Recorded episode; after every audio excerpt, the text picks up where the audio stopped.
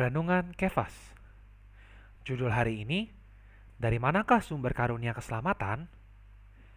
Yohanes pasal 3 ayat 16 berkata Karena begitu besar kasih Allah akan dunia ini Sehingga ia telah mengaruniakan anaknya yang tunggal Supaya setiap orang yang percaya kepadanya tidak binasa Melainkan beroleh hidup yang kekal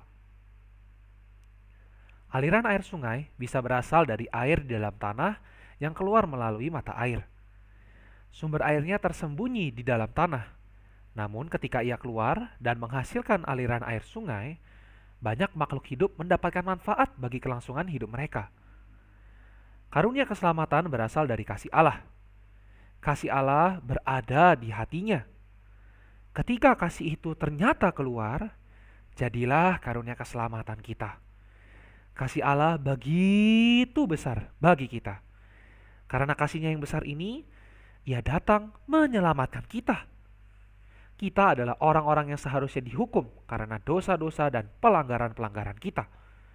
Namun, karena Dia begitu mengasihi kita, Ia mengaruniakan anaknya yang tunggal untuk mempersiapkan karunia keselamatan bagi kita.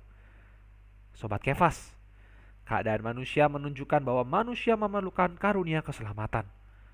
Karunia keselamatan ini bersumber dari kasih Allah oleh karena itu, kita perlu mengucap syukur atas kasih Allah yang dilimpahkan kepada kita sehingga kita diselamatkan melalui Yesus Kristus. Marilah kita berdoa.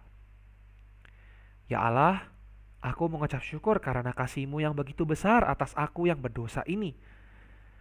Terima kasih untuk karunia keselamatan yang Engkau berikan melalui putramu. Oh Tuhan, aku memuji kasih-Mu Tuhan Yesus, aku mengasihimu. Amin. Tuhan Yesus memberkati saudara-saudari.